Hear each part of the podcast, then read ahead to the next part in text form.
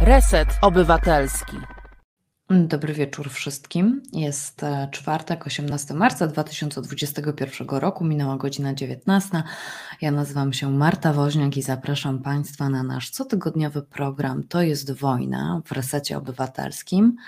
Mm, w zeszłym tygodniu rozmawialiśmy z Katarzyną Korytowską z Fundacji Herdox i dziennikarką filmową i kulturalną Anną Tatarską. I zachęcam Państwa do powrotu do tego programu, bo rozmawiałyśmy nie tylko o filmach dokumentalnych, realizowanych przez kobiety, ale ogólnie o branży filmowej. Pojawiła się też kwestia parytetów na festiwalach filmowych.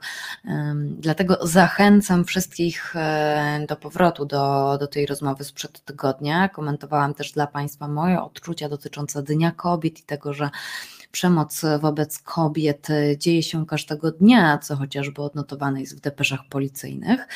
Mm, dziś też o przemocy będziemy rozmawiać, ale najpierw, jeśli mają e, Państwo dla mnie jakieś e, propozycje tematów, to zachęcam do pisania maili. Mój adres to m.wozniak małpa resetobywatelski.pl PL. Dziś w programie rozmawiamy wokół sprawy, która wstrząsnęła Wielką Brytanią, e, ale nie tylko. Porozmawiamy o sprawie Sary Everard, która wracała do domu, e, została porwana, e, a jej ciało zostało znalezione około 100 kilometrów od miejsca zamieszkania. E, no cóż, policjant ją zabił. Mm, mnie zastanawia natomiast, ponieważ tak jak mówiłam, no, jej zabójstwo Sary Everard wstrząsnęło Wielką Brytanią nie tylko, również w Polsce zaczęto mówić o tym, że kobiety się boją samej mnie to przypomniało, e, że nawet e, i w tym miesiącu, wracając do domu z jakichś sprawunków, oglądałam się za siebie, albo już tak jestem już na tyle przyzwyczajona, że nawet nie czuję, że zaciskam dłoń na kluczach, wracając do domu. Tak jest, tak się zdarza, to jest rzeczywistość kobiet. Ale natomiast mnie zastanawia, dlaczego akurat cały świat i również kobiety w Polsce zaczęły mówić o przemocy wobec kobiet, e, o Sarze Everard, e, Brytyjce, kiedy u nas e, mamy każdego miesiąca wstrząsającą zbrodnię, gdzie mężczyźni znęcają się nad kobietami, gdzie mężczyźni mordują kobiety, a nie jest wcale o nich tak głośno.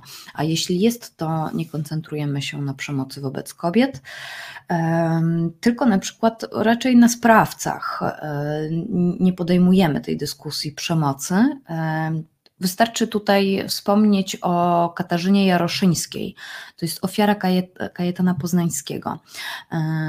Więc o przemocy z zagranicy e, i o przemocy w Polsce, o przemocy wobec kobiet porozmawiamy sobie z Joanną Piotrowską, prezeską Fundacji Feminoteka, która od 16 lat zajmuje się przemocą wobec kobiet.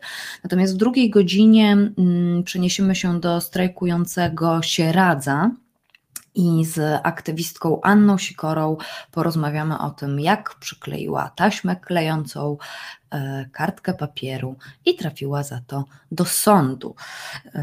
Więc tutaj będą również e, represje. No i przyjrzymy się, jak Sierac strajkuje. Przypominam Państwu, że Reset Obywatelski jest miejscem dla wszystkich, dla osób, które zadają pytania, dla osób, które mają wątpliwości, e, chcą się czegoś dowiedzieć, chcą się wymienić swoimi myślami, które też mają wpływ na tworzenie naszych programów, bo ważne, abyśmy wspólnie obywatelowali. Dlatego jeśli podoba się Państwu to, co robimy i cenią Państwo naszą pracę, odsyłam Państwa na naszą zrzutkę na działalność Resetu Obywatelskiego. Mogą Państwo również zostać producentami i sponsorami naszych programów, a więcej o tym na zrzutka.pl ukośnik z ukośnik Reset Obywatelski.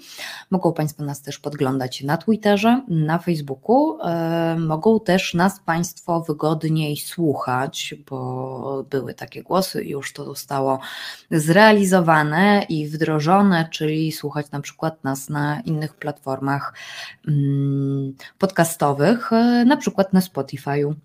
Więc e, zachęcam do zerkania tam, do odświeżania sobie pamięci naszymi programami. Zachęcam do lajków, do subskrypcji, e, do obserwowania nas, e, no i przede wszystkim do podawania dalej w świat tego, co robimy. Natomiast producentką, bo mówiłam Państwu o producentach, producentką dzisiejszego programu jest pani Maria Karlińska-Nechrebecka. Bardzo, bardzo dziękuję, mm, bardzo dziękuję dziękuję za, e, no cóż, tutaj akurat nie wiem, czy jeszcze nie do końca nie wiem, czy to jest tak, że się wybiera konkretny program, ale możliwe, że tak jest. E, zerknę sobie w Państwa komentarze. Witam Panią Katarzynę, e, która mi tutaj gratuluje za temat audycji.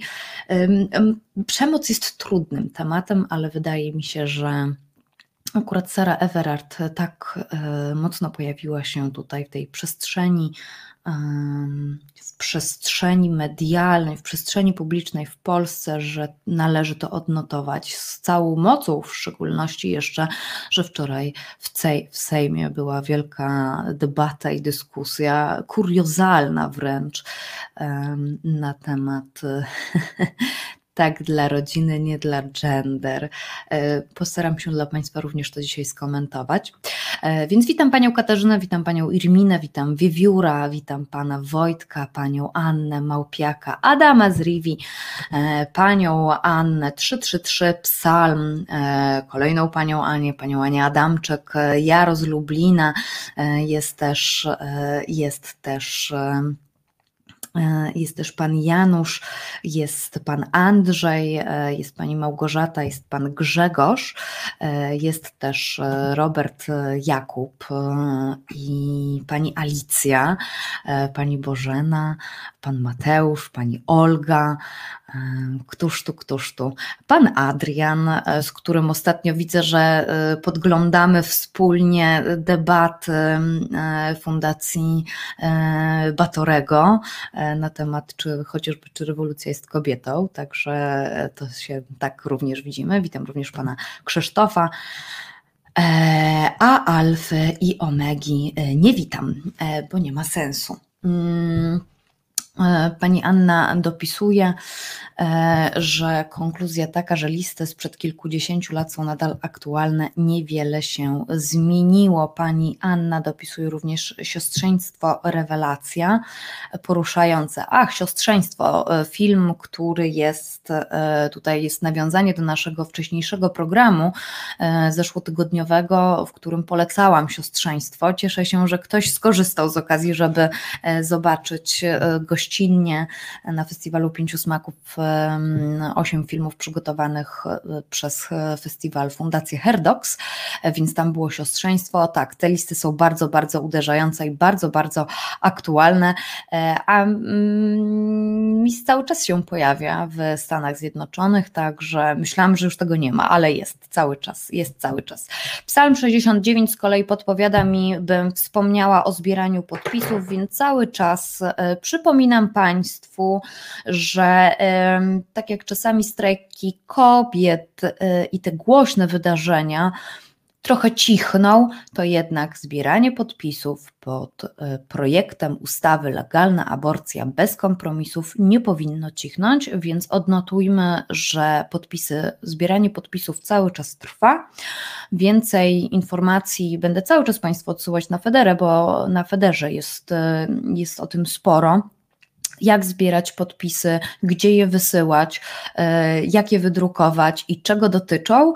E, szczególnie, że sam projekt ustawy przygotowywała prawniczka z Federacji na Rzecz Kobiet i Planowania Rodziny Kamila Ferenc, więc e, federa.org.pl odsyłam Państwa na tę stronę.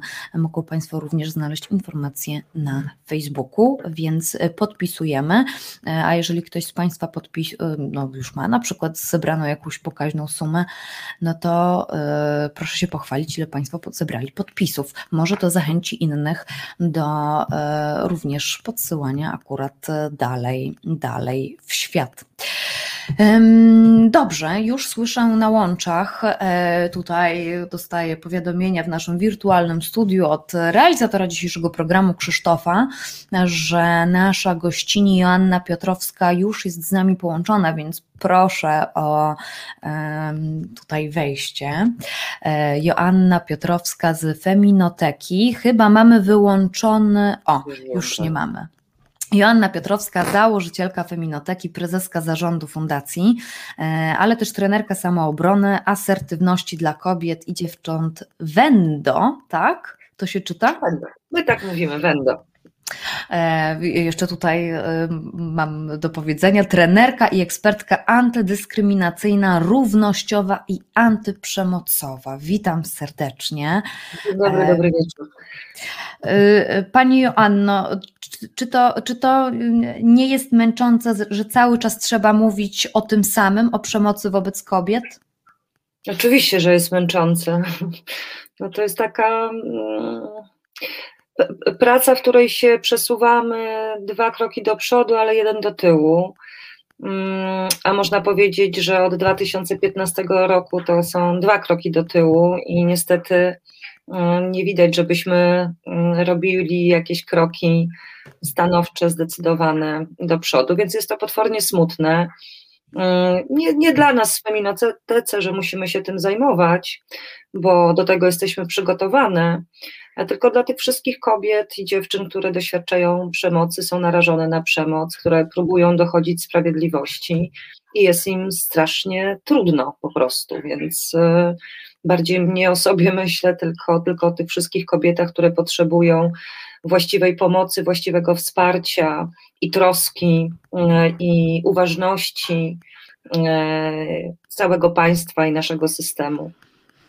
Mm, nasza Wicka, Pani Bożena pisze, bycie kobietą w Polsce jest męczące. Ja zastanawiam się, Pani Janno, czy oglądała Pani wczorajszą debatę w Sejmie na temat pomysłów wypowiedzenia? Nie, to były moje nerwy.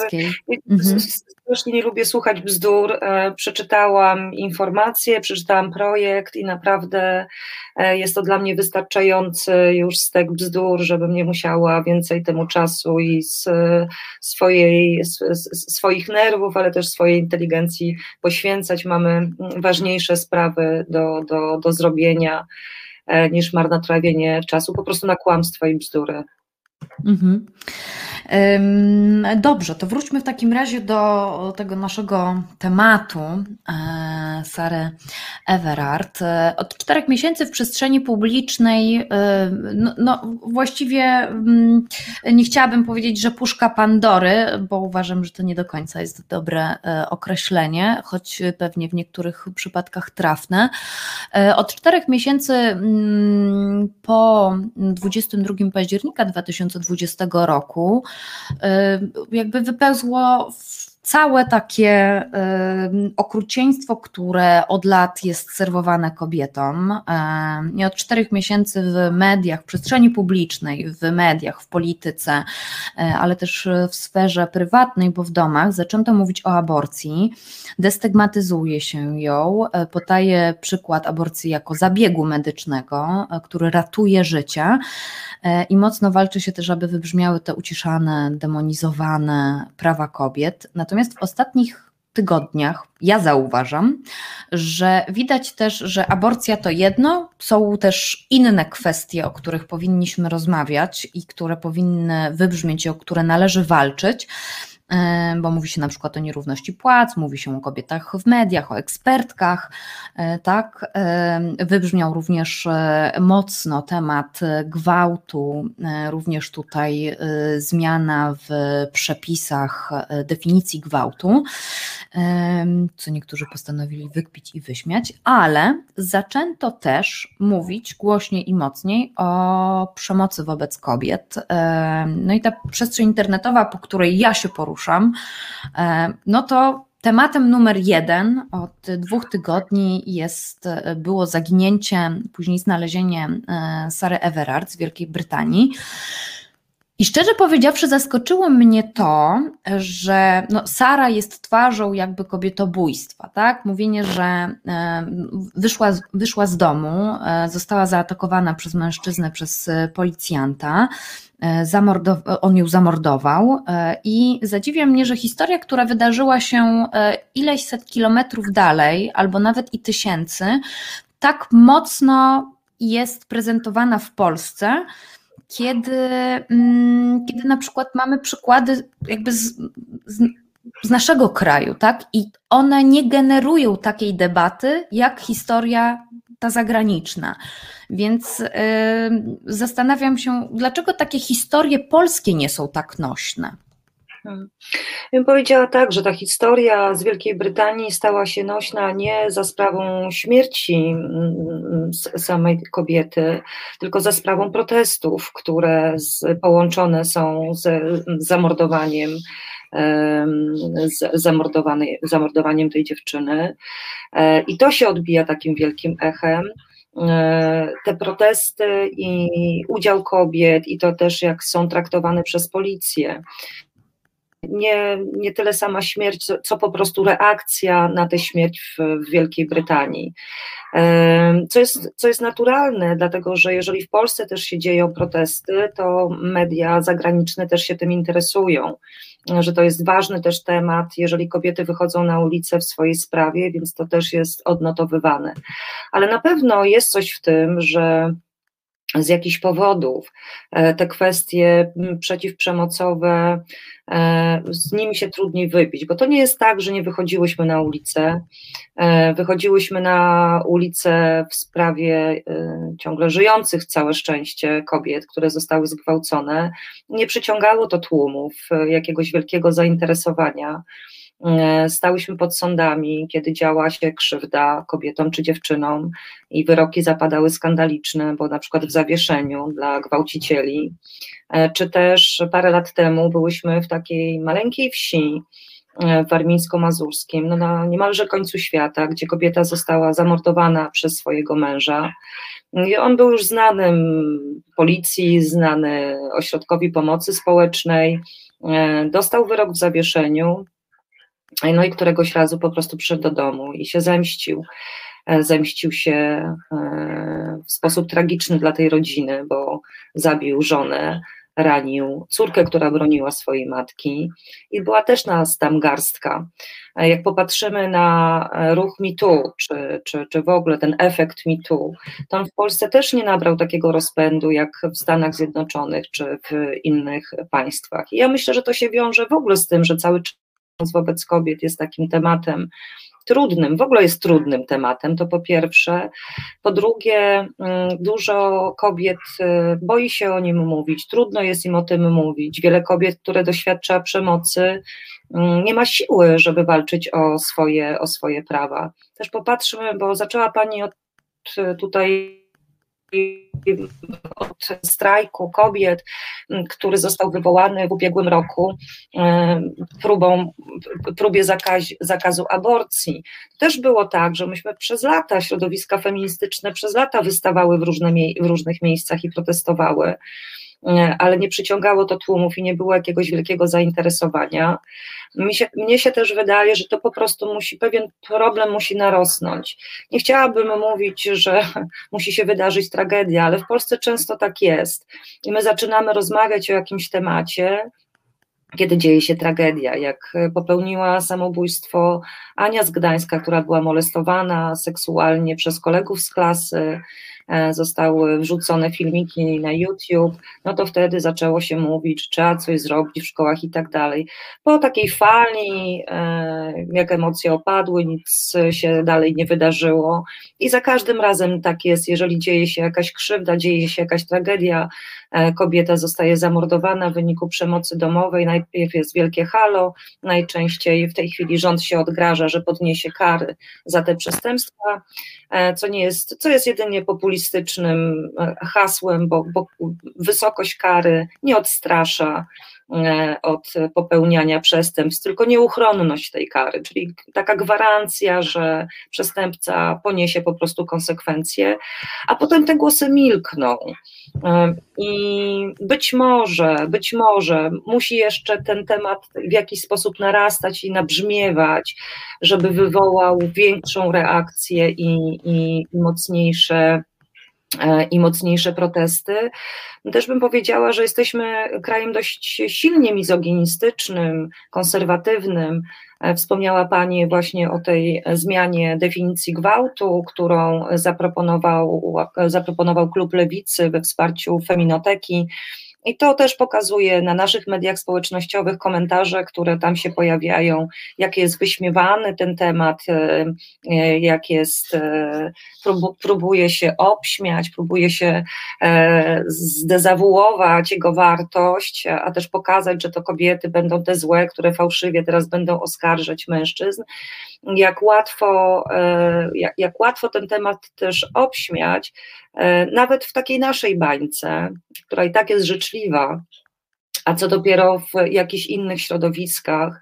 No nie mówiąc już o autorytetach, decydentach, e, którzy wypowiadają się na temat kobiet w sposób okrutny często, e, obraźliwy, e, mizoginistyczny i seksistowski, więc myślę, że to też jest związane z tym, że wiele kobiet po prostu obawia się zareagować w jakiś taki radykalny sposób, żeby nie narazić się po prostu na, na szyderstwa, na śmiech, na, na obrażanie jej, na hejt e, w, w mediach społecznościowych.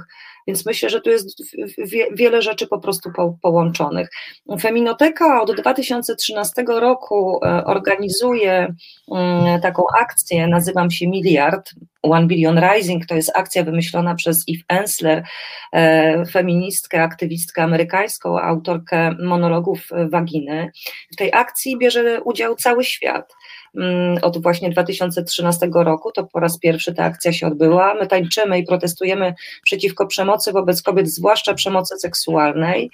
I muszę powiedzieć, że ja sama byłam zaskoczona e, miło, bo nie byłam przekonana, że w Polsce taniec przeciwko przemocy będzie się cieszył jakimś zainteresowaniem. Jeszcze to jest e, luty, e, taniec w lutym na ulicach. No trochę, trochę to może brzmieć odstraszająco zastraszająca, już pierwszego Pierwszego roku przyłączyło się 17 grup, a w takim punkcie kulminacyjnym to było w, lat, to było w 2015 roku, kiedyśmy, kiedy mówiłyśmy, zwracałyśmy uwagę o odpowiedzialności samorządów za e, reakcje i za programy przeciwprzemocowe.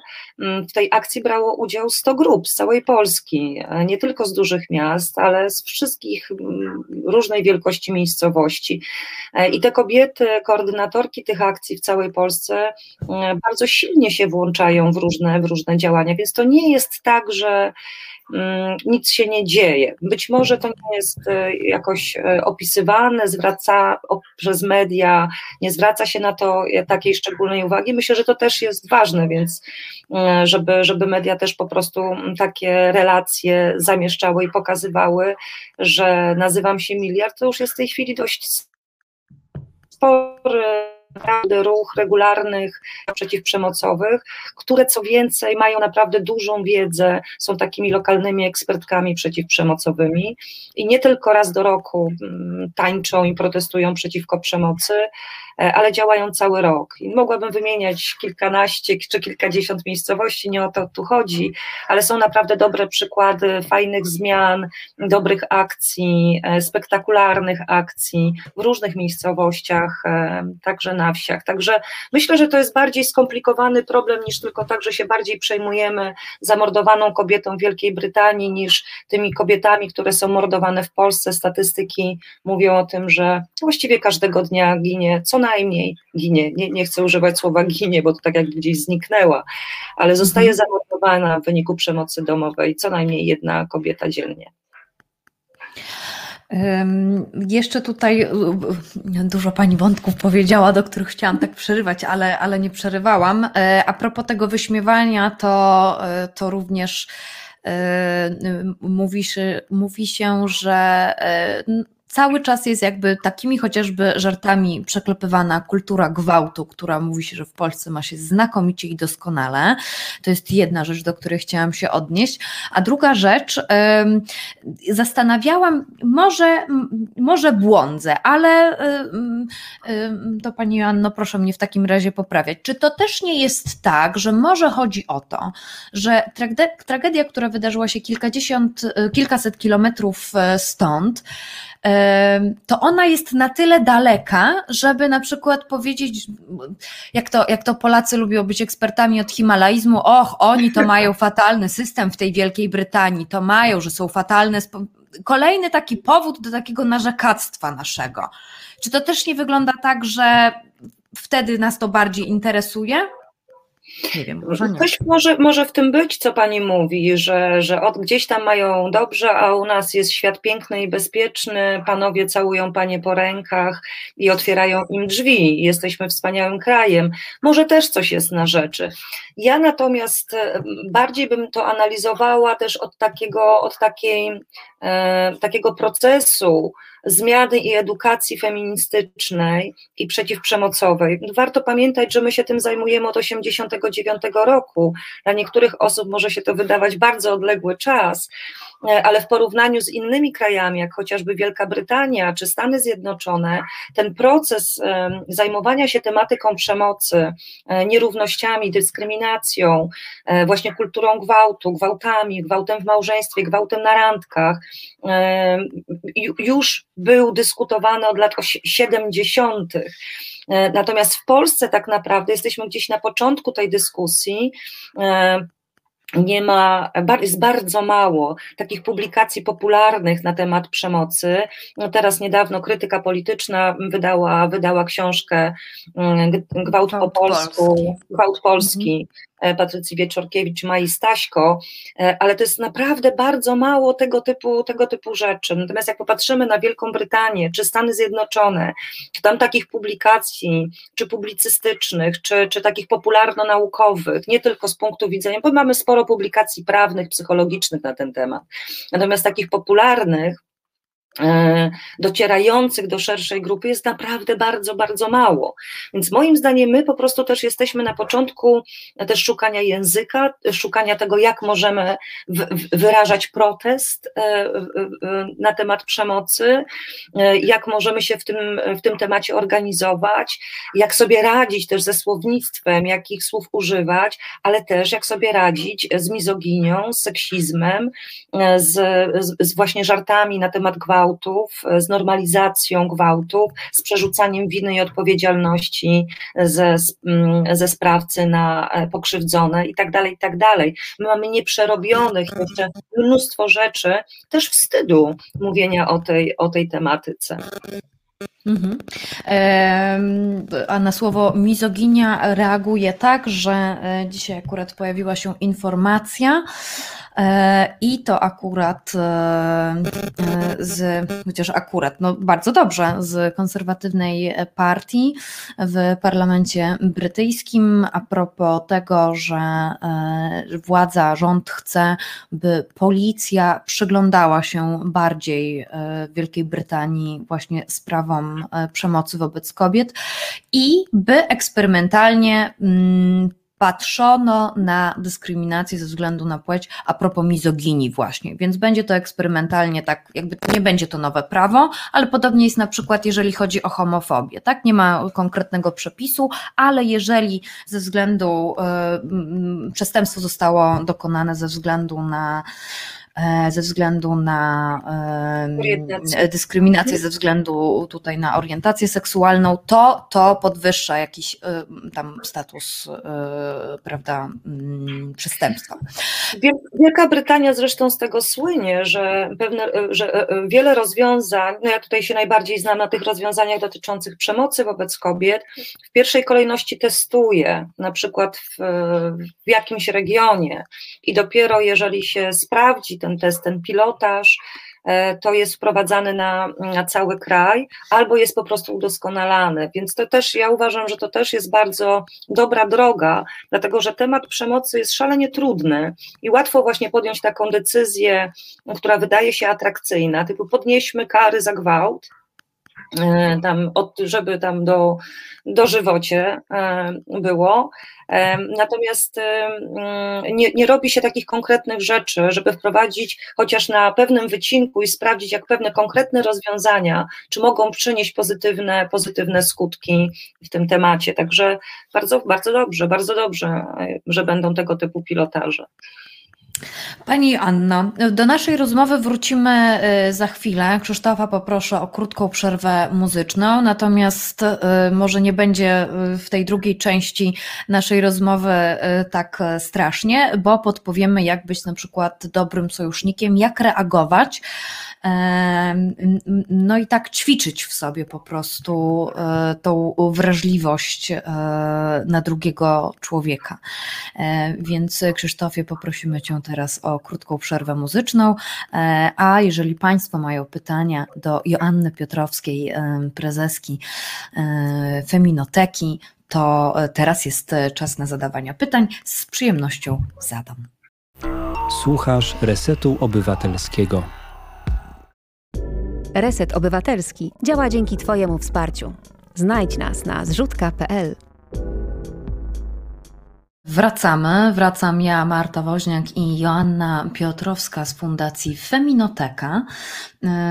Zachęcam również Państwa do lajkowania tego programu, do podsyłania go dalej. W tej chwili, bo to jest ważne, o czym teraz będziemy rozmawiać z Joanną Piotrowską, ale najpierw Chciałabym statystyki. Ja uwielbiam statystyki. Tutaj licznie widzowie o tym doskonale wiedzą. Ja uwielbiam, bo, to mi, bo, bo czasami dostaję takim obuchem w twarz i sobie myślę, nie zdawałam sobie z czegoś wcześniej sprawę. E, już nawet nie chcę mówić o mojej ostatniej ulubionej pozycji e, wydawniczej, e, ale powiem, niewidzialne kobiety wydawnictwa Charakter, w którym są podane statystyki o tyle, o ile jest to możliwe, o ile ktoś kiedyś podejmował temat statystyk wobec względem e, kobiet, nie wiem, na uniwersytetach, w przestrzeni publicznej, w mediach e, i tak dalej, i tak dalej. Dlatego Pani Joanno, ja bym prosiła jednak o statystyki. No i pytanie też, jak, jak wypadamy na tle innych krajów? Ja nie lubię statystyk, bo mam wrażenie, że mm, dla wielu osób, znaczy na pewno są takie osoby, dla których e, przedstawienie mm, cyfr, liczb e, daje jakieś wyobrażenie skali. Ale ja przez te lata zajmowania się przeciwdziałaniem przemocy wobec kobiet mam takie wrażenie, że te e, liczby wpadają do jednego ucha i wypadają drugim. Być może dlatego, że są zbyt duże. Więc posłużę się takimi najbardziej ogólnymi liczbami, dlatego też nie takimi statystykami uwzględnionych w danych zbieranych przez policję, dlatego że tam są tylko dane zgłaszane, więc to nie przedstawia realnego problemu. Mm, więc mogę powiedzieć tak, że z badań, które w Polsce były prowadzone i nie tylko w Polsce, i to jest doświadczenie, od razu odpowiadam na to drugie, drugie pytanie, jak wyglądamy na tle innych krajów, e, to, że jakiegoś rodzaju przemocy E, czy fizycznej, e, czy seksualnej. Mówię o dwóch rodzajach przemocy, żeby nie mieszać e, jeszcze jakichś dodatkowych, ale tych dwóch rodzajów przemocy doświadcza zdecydowana większość kobiet i dziewcząt w ciągu swojego życia. Można powiedzieć, że 90, kilka, ponad 97% kobiet doświadcza, doświadczyło jakiegoś rodzaju przemocy albo fizycznej, albo seksualnej tutaj o molestowaniu, mówię o poklepywaniu, e, mówię o łapaniu za piersi, mówię o komentarzach naszego ciała, e, różnych tego, te, tego rodzaju formach też, które spotykają nas po prostu w miejscach publicznych, ale też o przemocy ze strony najbliższych, bo większość tej przemocy dzieje się w domu albo dzieje się od osób, które znamy. Ponad 80%, które doświadczyło gwałtu, znało gwałciciela, więc to też pokazuje kto jest najbardziej niebezpieczny i jakie miejsca tak naprawdę są najbardziej niebezpieczne najbardziej niebezpieczni są nasi bliscy i miejsce, gdzie mieszkamy. Więc może jeszcze tak, taki, bo to też tak, e, bo tak 300 tysięcy, to jak to sobie wyobrazić, no dobra, to jest jakieś średniej wielkości miasto. Katowice na przykład. Na przykład Katowice, tak. No, to, to jest to jest szalona skala przemocy wobec, wobec kobiet w Polsce. I w Ensler do tej akcji nazywam się Miliard One Billion Rising wyliczała i stąd nazwa, że około miliarda kobiet w ciągu swojego życia doświadczyło jakiegoś rodzaju przemocy seksualnej albo fizycznej. Miliard kobiet. No to, to, to myślę, że to robi wrażenie. E, a jeśli chodzi o tło, to nigdzie tego problemu nie rozwiązano. Wszędzie się, wszystkie państwa się z tym problemem borykają. Różnice są, myślę, to są ważniejsze różnice niż te statystyczne różnice. E, kto tam bardziej bije albo kto rzadziej doświadcza przemocy. Tylko to, że bardzo dużo państw w Unii Europejskiej, a celują w tym kraje skandynawskie, wprowadzają coraz to nowe rozwiązania, żeby tej przemocy przeciwdziałać i żeby system, który pomaga osobom doświadczającym przemocy, był jak najlepszy, jak najmniej traumatyzujący dla osób pokrzywdzonych. Tym też jest konwencja stambulska, to jest też taki dokument, który ma dokładnie to na celu, żeby państwa, które ratyfikują ten dokument, E, posłużyli się nim jako taką dobrą praktyką, bo on zawiera dużo, dużo bardzo dobrych rozwiązań, e, które zostały tam zapisane w wyniku naprawdę wieloletniej debaty e, przedstawicieli państw Rady Europy, w tym Polski, i różnych rozwiązań, które mogą być skuteczne. To jest taka taka, taki drogowskaz, jak można postępować, co można robić, żeby poprawić sytuację osób doświadczających przemocy, przemocy, zwłaszcza kobiet i dziewcząt, bo to jest grupa najczęściej doświadczająca i najbardziej na, na przemoc, grupa, grupa narażona.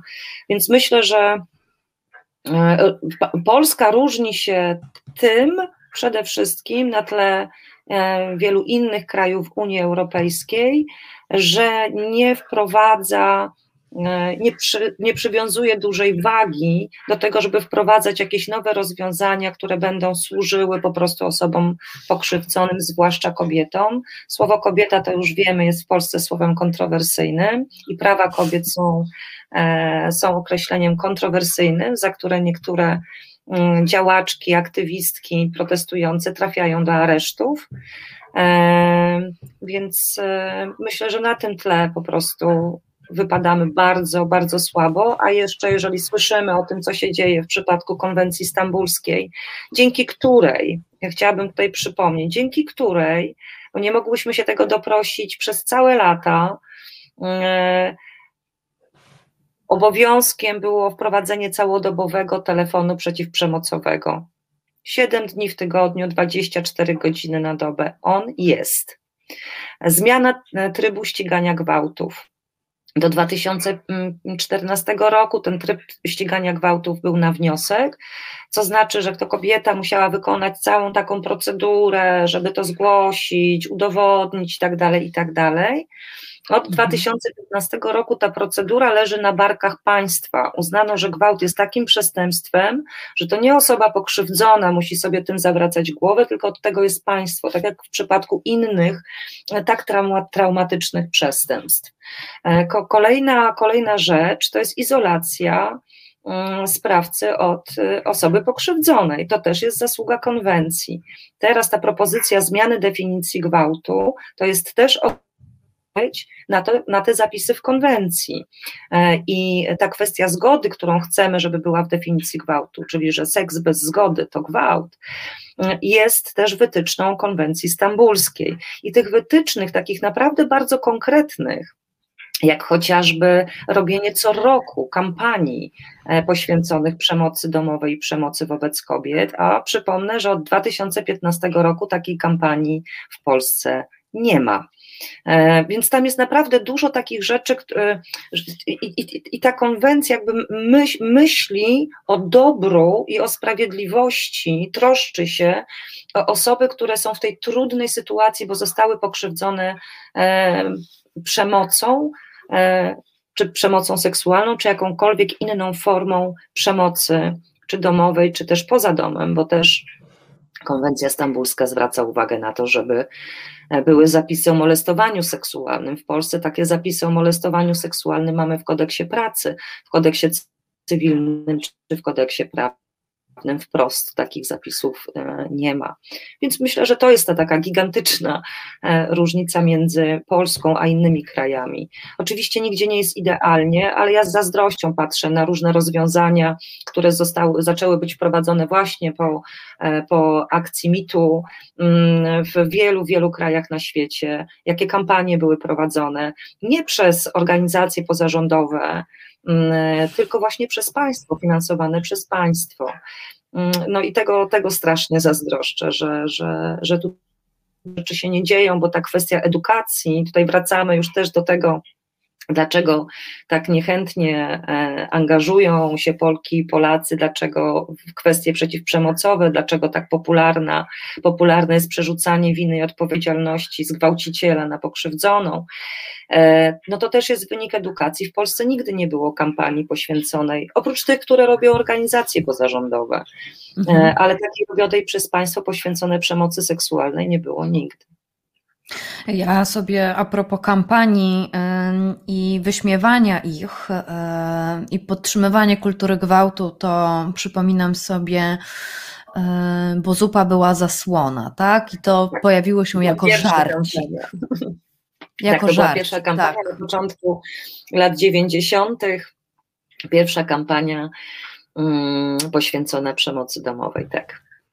Mamy pytanie od naszego widza, od Małpiaka. E, I jeszcze chciałam serdecznie tutaj podziękować, e, podziękować za e, funty, korony i złotówki na papier do kseru formularze do zbierania podpisów, więc cały czas przypominamy o tym projekcie ustawy Legalna Aborcja bez kompromisów. Natomiast pytanie jest od Małpiaka taka, o co też chciałam zapytać, na ile środowisko, na przykład policja, prokuratura, lekarze, bliscy, duchowni wpływają w Polsce na niezgłaszanie tego typu przestępstw? Nie wiem, czy były prowadzone może jakieś e, badania, albo e, tutaj e, pani sama z doświadczenia wie, jak duży wpływ mają osoby trzecie na niezgłaszanie? No mają olbrzymi wpływ. No, to, jest jedna z głównych przyczyn, dlaczego większość e, gwałtów nie jest zgłaszanych, bo to, to tylko jedna na, na 10 kobiet zgłasza gwałt, także no większość gwałtów nie jest zgłaszanych. E, to, co stoi za tą, za tą niechęcią i obawą, jest wstyd, i to, jak zostanę potraktowana, e, czy właśnie na policji, czy w prokuraturze, czy, czy, czy, czy w jakiejś placówce medycznej. E, I to jest faktycznie gigantyczny problem. E, myśmy robiły dawno temu, bo to było w 2011 albo 2012 roku, takie badania i rozmowy z przedstawicielami i przedstawicielkami różnych służb na temat właśnie ich wiedzy dotyczącej przemocy seksualnej. Niestety nie była to, nie była to wiedza wielka, też te przedstawiciele i przedstawicielki tych służb powielali po prostu mity i stereotypy na temat przemocy seksualnej. E, ale wydawało się nam wtedy, że możemy coś jeszcze zmienić, że możemy coś zrobić. Kiedy była wprowadzana zmiana trybu ścigania gwałtów, Feminoteka w ten, w ten proces była bardzo mocno zaangażowana. Kiedy uczestniczyłyśmy w komisji kodyfikacyjnej, mm, gdzie tam doszczegóławiano różne, różne zmiany w, w prawie dotyczące właśnie zmiany trybu ścigania gwałtów, wtedy jeden z posłów um, powiedział, że e, okej, okay, dobrze, oni wprowadzą te zmiany, tryb ścigania gwałtów, ale że to my będziemy mieć na sumieniu, jak kobiety się będą tam, będą się zgłaszać i będą źle traktowane. Także po pierwsze, to pokazuje, jakie jest myślenie, to znaczy, że wszyscy wiedzą, że mogą te kobiety zostać tam źle potraktowane, ale zrzuca się to na barki i taką odpowiedzialność na organizacje pozarządowe.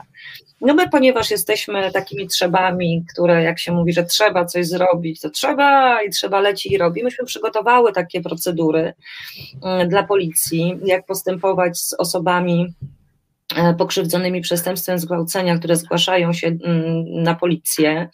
E, one są napisane też bardzo przyjaznym językiem i zostały w 2015 roku przyjęte. E, natomiast koniec rzędem temu policjantowi, który te procedury zna który realizuje. Nie zostały przeprowadzone żadne szkolenia na ten temat, nie było, nie, było, nie było zainteresowania. Jeśli chodzi o prokuraturę, prokuratura też przygotowała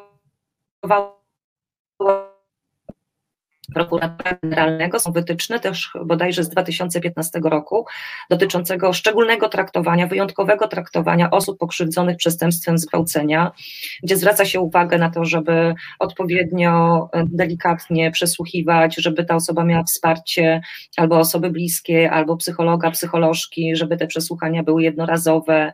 No, mnóstwo tam jest e, szczegółowych informacji, jak należy traktować, traktować te osoby. Przygotowałyśmy też takie wytyczne, takie procedury dla placówek, e, placówek medycznych.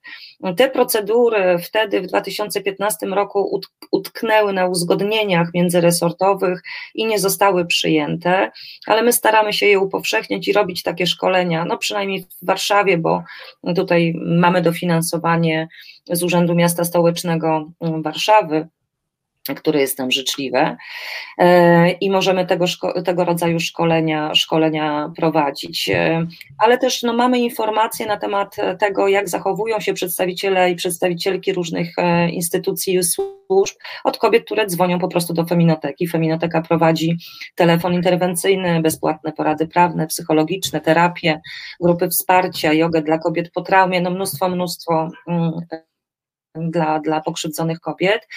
E, I od nich bardzo dużo mamy informacji na temat tego, jak zostały potraktowane, jakie komentarze były na ich temat na sali sądowej.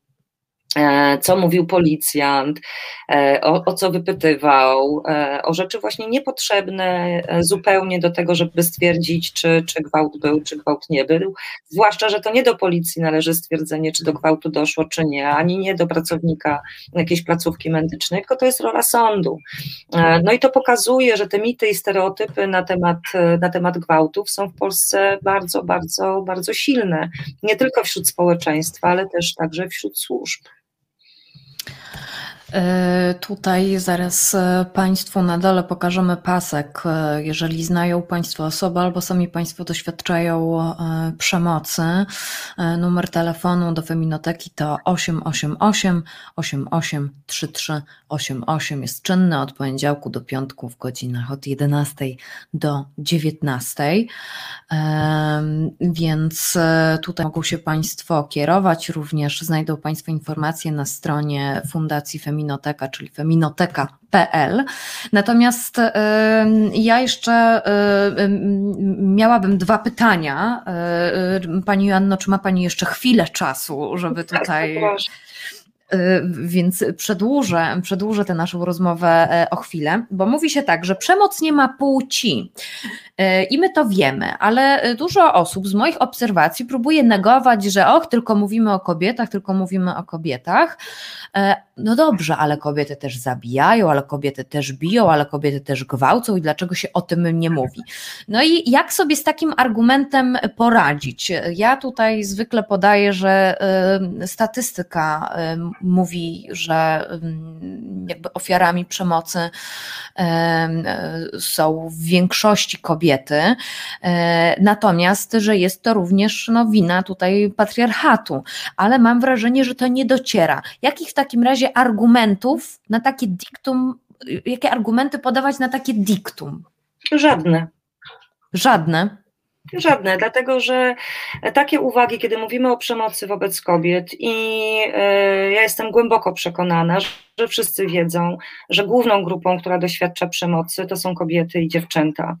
I jeżeli mówimy o przemocy wobec kobiet, to, to nie mówimy tego dlatego, żeby nie zauważyć przemocy wobec mężczyzn, tylko dlatego, że zajmujemy się tą grupą, która e, jej najczęściej doświadcza, jest na nią najbardziej narażona. I to pokazują wszystkie statystyki, także w Polsce, i wszyscy o tym wiedzą. Więc jeżeli ktoś mówi, ale mężczyźni też, doświadczają przemocy, to, znaczą, to znaczy, że chcą odwrócić uwagę od tego problemu przemocy wobec kobiet. To jest bardzo znany, stary argument, żeby odwrócić uwagę, dlatego że kobiety mają też taką skłonność, tak jesteśmy socjalizowane, tak jesteśmy edukowane, żeby natychmiast się pochylić i mówię, nie, nie, ale mężczyźni też doświadczają przemocy. Ja, mhm. Oczywiście ja mam argumenty, bo ja już jestem przećwiczona w tym temacie od kilkunastu lat. Mówię, ale to dlaczego w takim razie nie, powstało, nie powstała żadna organizacja, organizacja zajmująca się przeciwdziałaniem przemocy wobec mężczyzn i wspierająca mężczyzn. A organizacji, które zajmują się przemocą wobec kobiet w Polsce jest y, organizacje prowadzić po prostu z powodów finansowych między innymi, ale organizacji e, pomagających mężczyznom nie ma. I powiem jeszcze jedną rzecz. Wszystkie mm, ośrodki, oprócz kilku, jest chyba pięć organizacji, które wprost kierują pomoc dla kobiet i mają to w swoim, tak jak my, jak Feminotekarz, to jest pomoc dla kobiet doświadczających przemocy. Pozostałe instytucje i organizacje udzielają pomocy wszystkim osobom doświadczającym przemocy. E, więc ja uważam, że to jest argument, który ma odwrócić uwagę od problemów z, związanych z sprawami kobiet, po prostu. Mhm. E, tutaj e, nasz wice Andrzej pisze, to jest podobny argument jak ten, gdy ktoś mówi o świetnych, dobrych, wspaniałych księżach w kościele katolickim. Tak, to jest dokładnie to samo.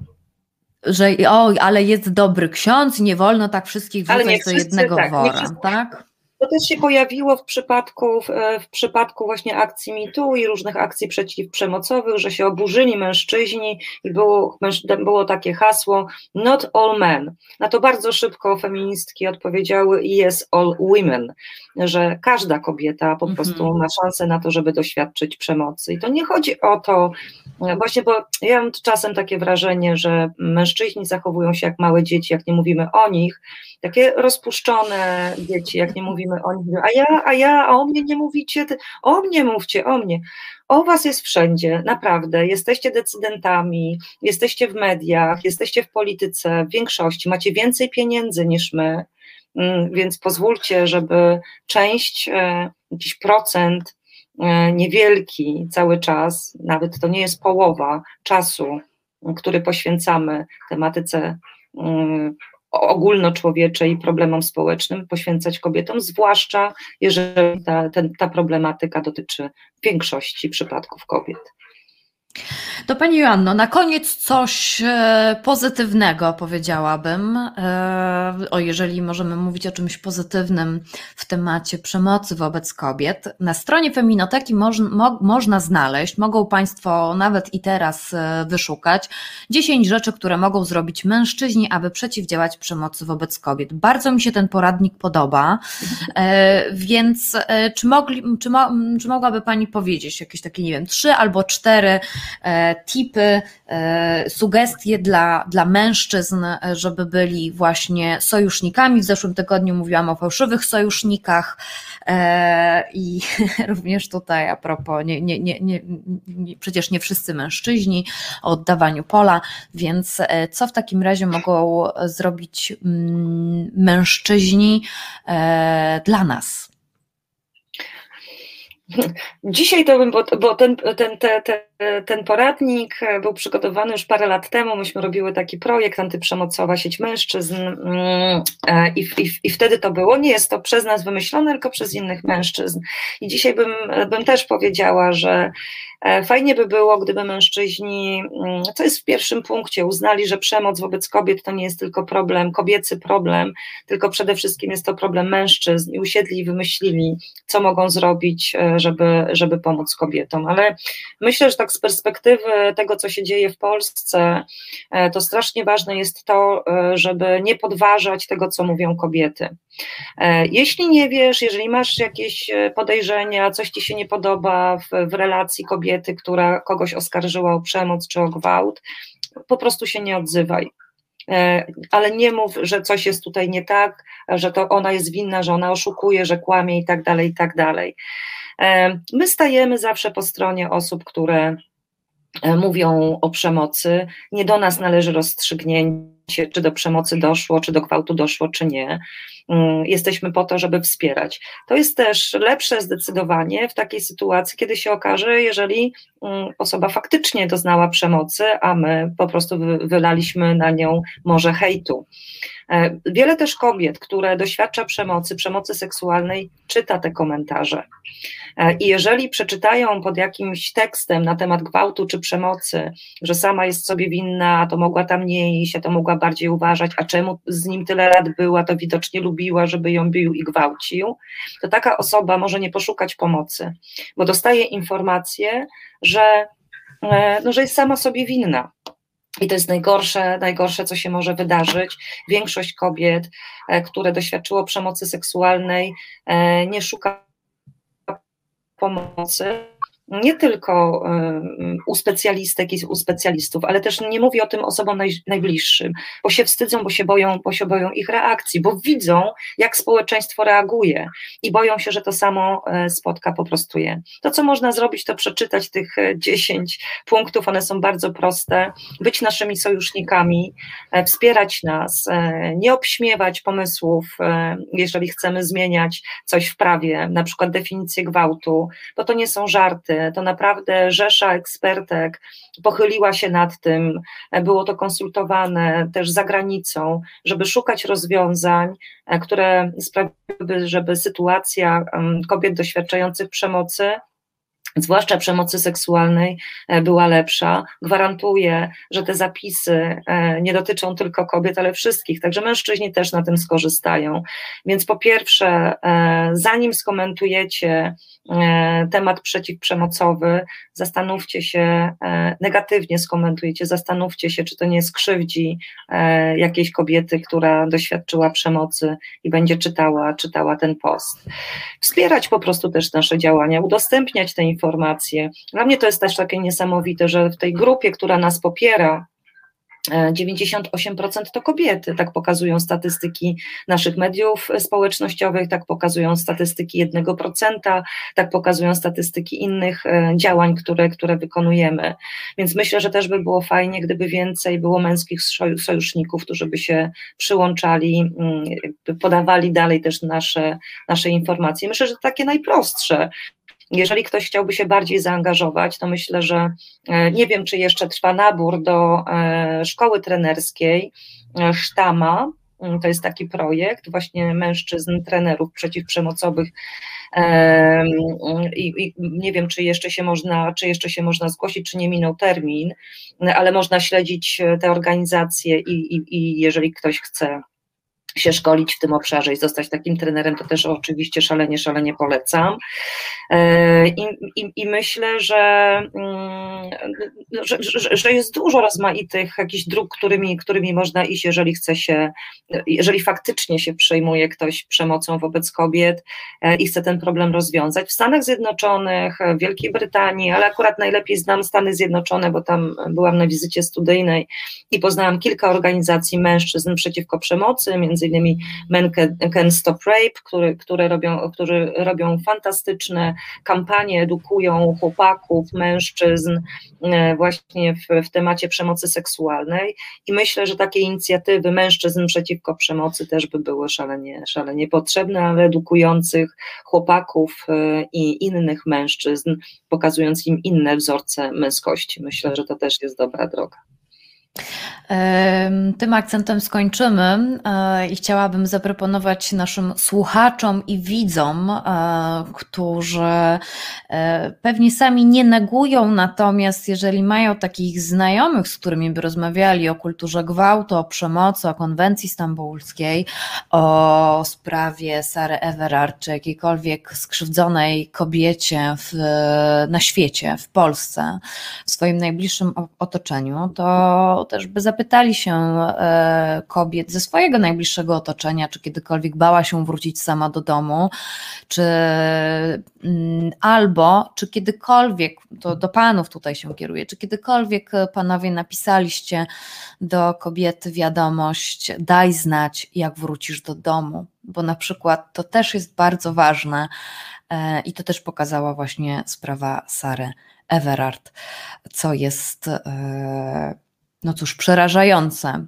e, w tym wszystkim. E, czy taka rozmowa byłaby akurat w porządku, gdyby męż, no nie wiem, zapytać swojej koleżanki, siostry, czy, czy, czy czuła się kiedykolwiek niebezpiecznie wracając, czy to jest taki cienki grunt i samemu się Jeżeli jesteśmy w dobrych, jeżeli jesteśmy w dobrych relacjach i jakieś be, be, bezpiecznie, żeby mm, też osoba się czuła, myślę, że tak. Zresztą teraz się pojawia dosyć sporo wypowiedzi, wypowiedzi kobiet i wywiadów, e, jak my się czujemy na ulicach, jak my się czujemy wychodząc z domu, jakie strategie, nawet tak, e, to są strategie, które już mamy po prostu wrośnięte w skórę, bo robimy, bo tak jesteśmy tego nauczone, żeby dbać o własne bezpieczeństwo i tych strategii mhm. jest cała, cała masa.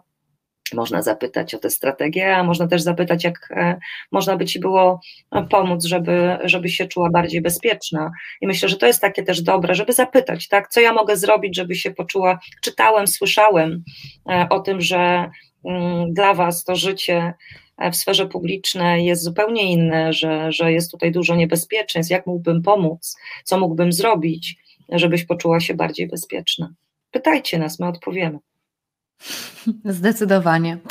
Joanna Piotrowska, moją Państwa gościnią, założycielka Feminoteki, feminoteka.pl. Odsyłam Państwa na tę stronę, ale też prezeska zarządu tej fundacji, trenerka samoobrony, e, ekspertka antydyskryminacyjna. Bardzo dziękuję za rozmowę Pani Joanno. Dziękuję Myślę, że bardzo. nieco nam się tutaj wyjaśniło kwestie. E, a Państwu życzę, e, no cóż, dużo tutaj feminizmu właśnie i e, żeby Państwo się właśnie tak sami zastanowili, czy kiedykolwiek napisali, czy kiedykolwiek powiedzieli komuś, daj znać, jak wrócisz do domu. E, I zapewniam Państwa, że tak się dzieje cały czas właściwie.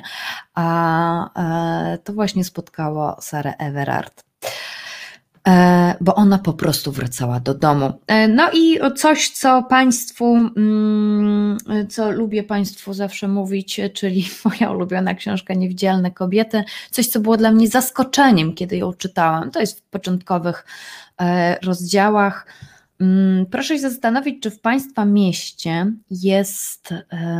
Proszę się zastanowić, czy w Państwa mieście, jeżeli mają Państwo komunikację miejską, kiedy są przystanki autobusowe albo przystanki tramwajowe, to czy wiaty są przeźroczyste. Okazuje się, że według badań e, to wzbudza w kobietach większe poczucie bezpieczeństwa. Umiejscowienie przystanku autobusowego e, czy tramwajowego bardziej, no nie wiem, na przykład przed knajpą, czy przed restauracją, przed czy przed jakimś urzędem, w każdym razie w miejscu, które jest dość często wykorzystywane przez, przez e, inne osoby, przez innych mieszkańców, e, ale e, dużym, duży komfort psychiczny dla kobiet pojawia się wtedy, kiedy przystanki są przeźroczyste. Zastanówmy się dlaczego. Zostawiam Państwa z tą myślą. Zrobimy sobie teraz krótką przerwę muzyczną, natomiast już za chwilę E, tutaj w naszym programie To jest wojna pojawi się Anna Sikora, tylko że Anna Sikora, e, no i też częściowo ja, pojawimy się e, w nagraniu, dlatego że tutaj aktywistka i działaczka z Sieradza, z Dziewuchu Dziewuchom Sierac, nie mogła z nami akurat dzisiaj wieczór się połączyć, ale załatwiłyśmy to inaczej, nagrywając wcześniej naszą rozmowę. Ja jestem cały czas z Państwem, będę z Państwem na czacie, E, więc e, możemy sobie również podyskutować, e, powymieniać się myślami. Więc najpierw zróbmy sobie chwilę oddechu i za chwilę przed Państwem Anna Sikora, która opowie o strajkach w Sieradzu, a także o swojej sprawie, która jest kuriozalna bo na kartce, którą przykleiłam na biura poselskie, pojawia się zaginęły prawa człowieka. E, no i e, mandaciki poszły i sąd, e, ale o tym więcej Państwo posłuchają w naszej nagranej wcześniej rozmowie. Widzimy się za niedługo. Słuchasz Resetu Obywatelskiego. Reset Obywatelski. Medium, które tworzysz razem z nami. Komentuj, pisz i wspieraj.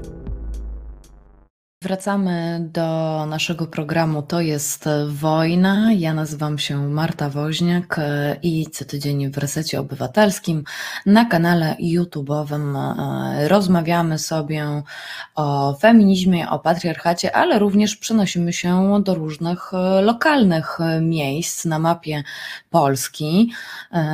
Tak jak Państwu wcześniej wspominałam, nasza rozmowa z Anną Sikorą jest nagrana wcześniej, a ale zachęcam Państwa do wysłuchania tej rozmowy, bo w Sieradzu się dzieje i to sporo. E, szczególnie, że Anna Sikora jest osobą represjonowaną przez polskie władze e, za kartkę papieru przyklejoną na drzwi. E, kartka papieru, jeszcze taśmy byśmy do tego dołączyli, ale to zaraz o tym opowie Anna Sikora. Przypominam Państwu, że mogą Państwo wspierać Reset Obywatelski, e, czy to e, przez e, naszą zrzutkę, adres zrzutka.pl ukośnik z ukośnik Reset Obywatelski, czy to przez Fundację Arbitror i wiem też, że na dniach ma pojawić się inna forma, pewnie dla Państwa nieco wygodniejsza, ale o tym będziemy informować na bieżąco. Natomiast już teraz przenosimy się do Sieradza razem z Anną Sikorą, aktywistką dziewuchy, dziewuchą Sieradz, działaczką Lewicy Razem i liderką sierackich struktur e, Razem Sieradz, a także represjonowaną przez polskie władze za swoje działania, ukarana sądownie. Anno, pod koniec listopada na drzwiach biura europosła Witolda Waszczykowskiego i posłanki Joanny Lichockiej w Sieradzu przykleiłaś kartkę i znajdował się na niej napis, chociaż w mediach mówią, um, miał znajdować się na niej napis, zaginęły prawa człowieka, znalazcę prosimy o kontakt. Dlaczego to zrobiłaś i akurat y, dlaczego na drzwiach Waszczykowskiego i Lichockiej? Tak się tak zastanawiałam się. Czy nie ma innych biur poselskich? Nie, akurat y, spod tego biura zawsze startowaliśmy z naszymi strajkami. On jest dosyć taki, to biuro jest takim dosyć um, reprezentacyjnym miejscu, dlatego że ono znajduje się na rynku, starym rynku w Sieradzu i w tym miejscu zawsze się zaczynały nasze manifestacje. E, no i przede wszystkim na, na oknach tego biura jest wielkie, wielkie są e, wizerunki Witolda Waszczykowskiego i Joanny Lichotki, pięknie uśmiechniętej. No z tego względu właśnie dlaczego na biurze Prawa i Sprawiedliwości. Wszyscy o tym wiemy, że Prawo i Sprawiedliwość przyłożyło razem z Konfederacją przyłożyło rękę do obecnego zakazu aborcji w Polsce, z czym ja się nie zgadzam, z czym nie zgadzają się e, wiele e, mieszkanek Sierady i oczywiście mieszkanki Polski z tym się nie zgadzają, co oczywiście było jawnie pokazane naszymi strajkami w całej Polsce, które odbyły się właśnie w październiku i listopadzie. I tak y, pod koniec listopada e, przywiesiłam kartkę A4, taką wiecie, wyjętą z drukarki. E, przykleiłam tą kartkę na e, drzwiach. Jak Marcin Luther kiedyś przykleił, znaczy przybił, przywiesił na drzwiach też kartki z różnymi napisami. E, w każdym razie też się właśnie zatrzęsło e, od tegoż e, lokalne społeczeństwo. Na kartce był napis Zaginęły prawa człowieka, znalazł prosimy o kontakt, bo uważam, że odbieranie, zakaz aborcji Polsce jest e, odbieraniem praw człowieka, co potwierdził ONZ w swoim wyroku, kiedy tutaj akurat też trochę dygresję wprowadzę, ponieważ ONZ zajmował się kiedyś sprawą e, mieszkanki Peru, którą, której nie przeprowadzono przerwania ciąży, zabiegu przerwania ciąży, kiedy okazało się, że w badaniach prenatalnych, że płód jest ciężko upośledzony i ciężko zdeformowany. Tą kobietę zmuszono do urodzenia i zmuszono ją do tego, żeby ona patrzyła, jak to dziecko umiera jej na rękach i to dziecko umierało, nie wiem, kilka, kilkanaście dni. E, ta kobieta przeszła ciężkie załamanie nerwowe i, e, i ciężką depresję, jednak mimo wszystko ona się nie poddała. E, jej sprawa trafiła przed oblicze Organizacji Narodów Zjednoczonych i ONZ stwierdził jasno, że Peru poddało tą, tą kobietę torturom. Mhm. Tortury, jak wiemy, są złamaniem praw człowieka i taka sytuacja, do której dojdzie, w Polsce już niedługo, jeżeli już nie dochodzi, jest złamaniem praw człowieka i taką kartkę postanowiłam przykleić na taką, wiecie, biurową taśmę klejącą, którą po prostu każdy z nas ma w szufladzie. E, co się okazało, że pewnego dnia później dostałam telefon z policji, i zapraszamy na przesłuchanie, bo mm, się okazało, że y, złamałam y, 63 artykuł kodeksu wykroczeń. Co to znaczy? E, To jest przyklejanie e, plakatów w nieodpowiednich miejscach bez uprzedniej zgody. Hmm. Bardzo poważnie to brzmi, ale jeszcze dodam jako ciekawostkę, że ten artykuł 63a kodeksu wykroczeń został wprowadzony w 1983 roku. Wszyscy wiemy, co się w te- 1983 roku działo na terenie ówczesnej Polski. E, I po prostu ówczesne władze wprowadziły ten zapis tylko po to, żeby opozycji dać po łapach, ponieważ opozycja ówczesna plakatowała bardzo mocno w, w miastach, wsiach, miasteczkach. E, No i po prostu trzeba było mieć jakiś artykuł. No dobra, to wprowadzimy zakaz plakatowania. I to jest. e, No dosyć jak widać, nie śmieszne. jest to martwy przepis. Nie jest, właśnie to jest śmieszne, ale jednak smutne, że obecna władza tak pełnymi garściami czerpie z, e, z władz, którymi e, oczywiście swoich przeciwników politycznych nazywa każdego komuchem i lewakiem, ale oczywiście Stanisław Petrowicz to jest, to jest w porządku według nich. Ale w każdym razie, że tak pełnymi garściami czerpie e, z, z dokonań poprzedniego systemu. Kiedy im to pasuje, oczywiście to jest wszystko w porządku. E, No tak, e, tu przypomina mi się akurat nasza rozmowa w programie To jest wojna z Olgierdem Stankiewiczem, który jednak stwierdza, że w PRL-u było lepiej. To był e, człowiek, jest człowiek, który był represjonowany również za poprzedniej Mhm. władzy. Poprzedniego systemu.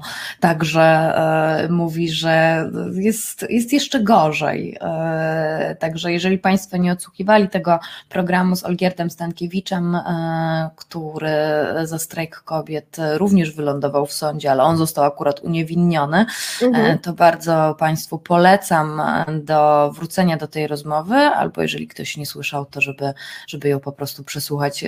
To znaczy, właściwie jest strasznie smutna ta rozmowa z e, Olgierdem Stankiewiczem.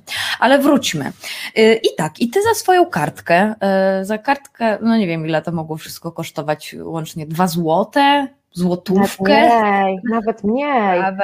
Ta taśma To jest- klejąca to była szczerze mówiąc takiej mocy, że jak człowiek mocniej kichnął, to ona się sama odklejała, więc e, naprawdę niebywały zniszczenia to były. No i za tę swoją kartkę na drzwiach przy użyciu taśmy klejącej zostałaś e, ukarana, e, to znaczy e, odmówiłaś mandatu, tak? Tak, odmówiłam przyjęcia kary grzywny. E, policja e, W wysokości mnie jako- 400 zł, tak? To Tak, było? 400 zł, dokładnie. E, Ja na przesłuchanie poszłam w charakterze świadka, wyszłam już jako obwiniona.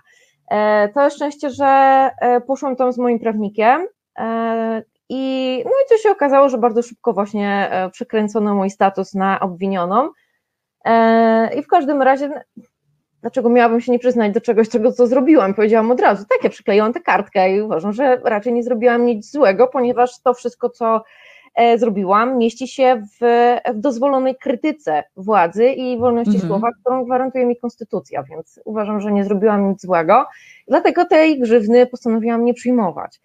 Szczególnie, że przypomnę tylko, na kartce było napisane zaginęły prawa człowieka, znalazcę prosimy o kontakt. Nie, że ty Witek jesteś taki śmaki i owaki, nie osiem gwiazdek, tylko zaginęły prawa człowieka, znalazcę prosimy o kontakt. To jest kuriozum.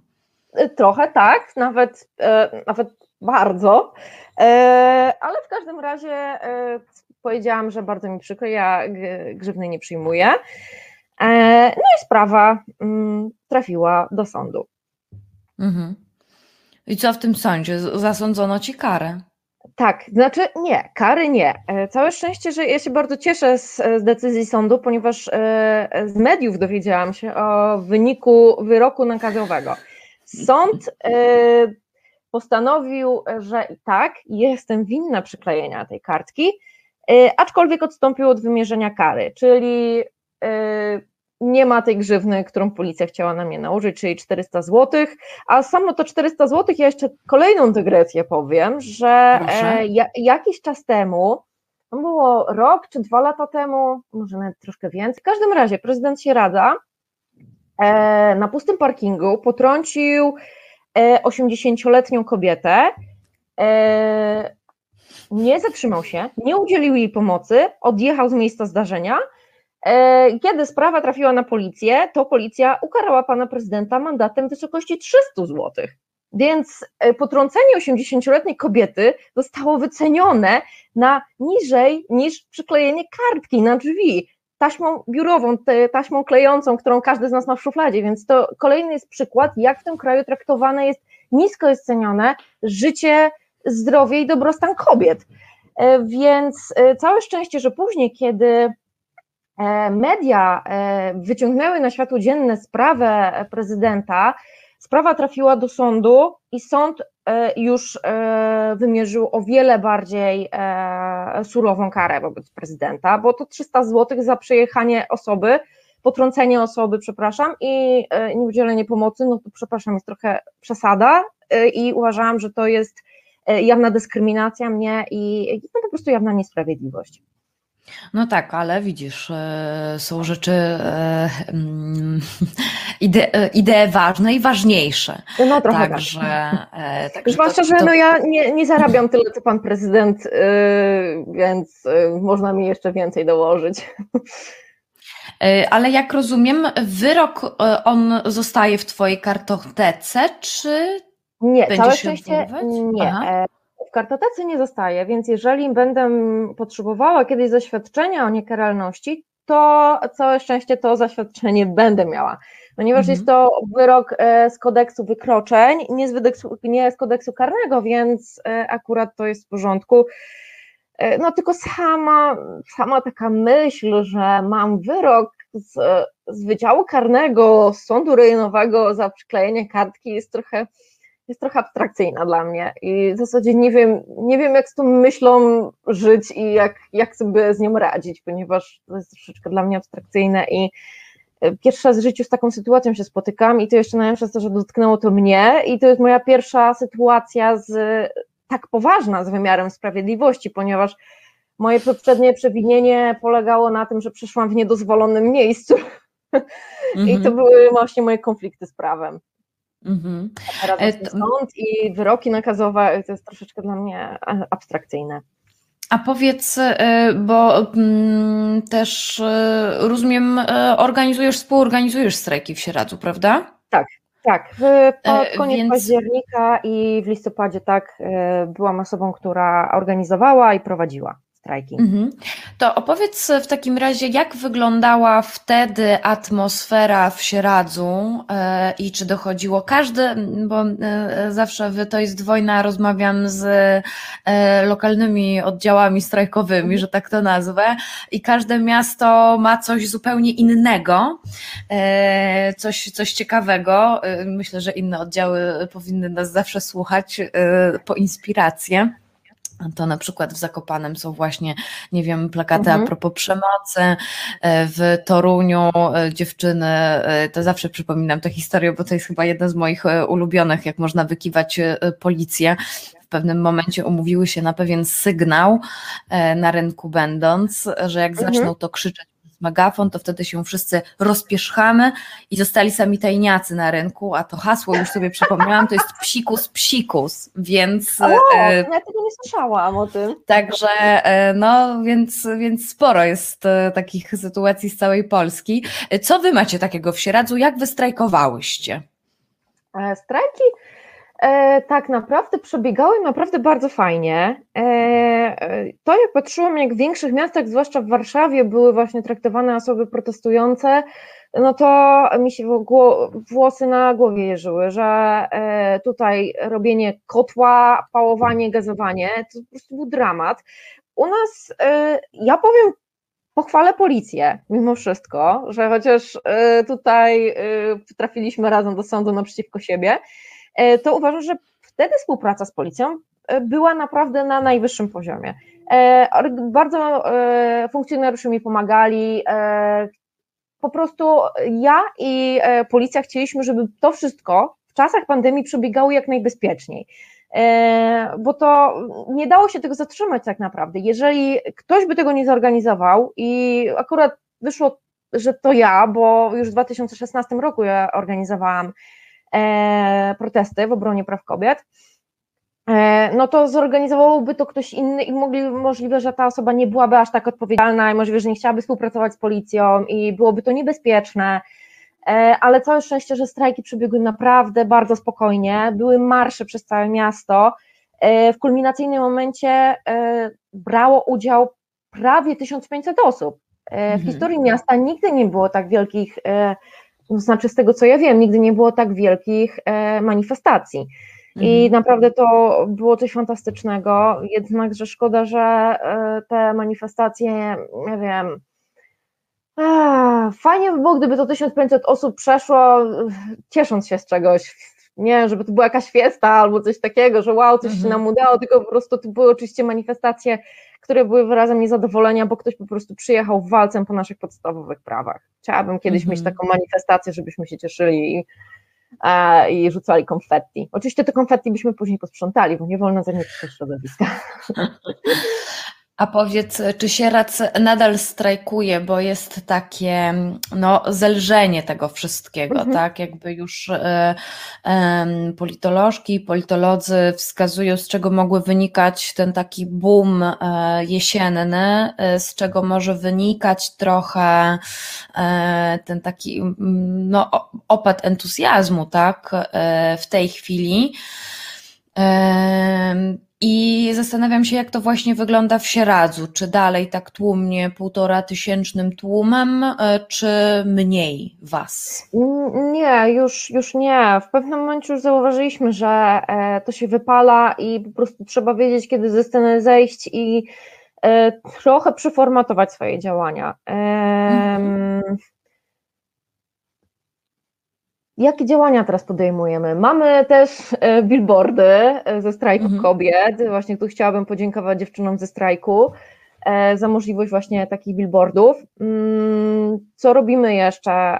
Plakatujemy w różnych miejscach, znaczy plakatujemy teraz, jeżeli ktoś ogląda, to plakatujemy w odpowiednich, przeznaczonych do tego miejscach, czyli na słupach ogłoszeniowych. I tak się teraz za bardzo nic nie dzieje w czasie pandemii, żadnych wydarzeń kulturalnych nie ma, a na słupach wiszą tylko nekrologii jest to bardzo smutne, więc dlatego plakatujemy, kiedy tylko możemy e, akcje informacyjne, e, czy na przykład ostatnio w Dzień Kobiet plakatowaliśmy takie infografiki, e, z, oczywiście z piorunem i tego typu informacje, które uświadamiają ludzi, że na przykład w Polsce podwiązanie wodów jest nielegalne, a wazektomia jest legalna. Mhm. Dlaczego tak jest? Nie mam pojęcia, więc jeżeli ktoś mówi, że aj, baby, przecież macie równouprawnienie, możecie głosować, o cholerę wam chodzi, no to przepraszam bardzo, nie, nie mamy równouprawnienia. Na każde 100 zł zarobione przez mężczyznę średnio kobieta zarabia 80. Mimo wszystko, że ma takie samo wykształcenie i robi taką samą dokładnie pracę i jest na tym samym stanowisku. E, co jeszcze tam na tych infografikach mieliśmy, że około od 400 do 500 kobiet y, rocznie w Polsce ginie z wyniku przemocy domowej. E, co jeszcze? E, że zaledwie 20% alimentów jest regularnie płaconych, resztę to trzeba naprawdę biegać z komórnikiem, albo kobieta musi na, na półtorej etatu biegać, żeby e, pracować, żeby mieć z czego wyżywić swoje dzieci. I tego typu rzeczy, właśnie takie akty informacyjne, że chodzi nam oczywiście o prawo do przerywania ciąży do 12 tygodnia, ale oprócz tego mamy jeszcze wiele innych problemów, które po prostu wynikają z, z tego, że jedyną naszą winą to jest to, że się urodziłyśmy kobietami. I, i, mhm. i, właśnie to, że zarabiamy mniej, i to, że kobiety bardzo często muszą rezygnować z pracy, yy, bo zdecydowały się na dziecko a, w ogóle długo by opowiadać o tym. E, aha, i jeszcze oczywiście od 2016 działamy razem ze znajomymi, osobami, które mają serce po lewej stronie i chcą e, działać w jakiś sposób. Od 2016, kiedy to e, Ordo Juris przyszło do Sejmu z całkowitym zakazem aborcji, nawet w przypadku, kiedy dziewczyna zostanie zgwałcona, mhm. to wtedy zrobiliśmy pierwszą manifestację i na którą przyszło 50 osób. No oczywiście wtedy komentarze sieci były, że e, wariatki, feminazistki chcą zabijać dzieci i tego typu rzeczy. Naprawdę nie należy się zniechęcać tym, bo takie teksty zawsze się będą pojawiały niestety. Na pociechę powiem Ci, że y, te pierwsze takie y, manifestacje z 2016 roku, to pamiętam, nikt z moich znajomych nie chciał ze mną pójść pod Sejm, Mhm. Więc poszłam sama dwa razy właściwie mhm. i nie było też zbyt, pewnie było więcej niż w Sieradzu, ale nie było zbyt wiele osób, tak jak na przykład porównałabym do tych jesiennych protestów teraz, mhm. tak? Także, także no wiesz, no wtedy to się zaczynało, nie?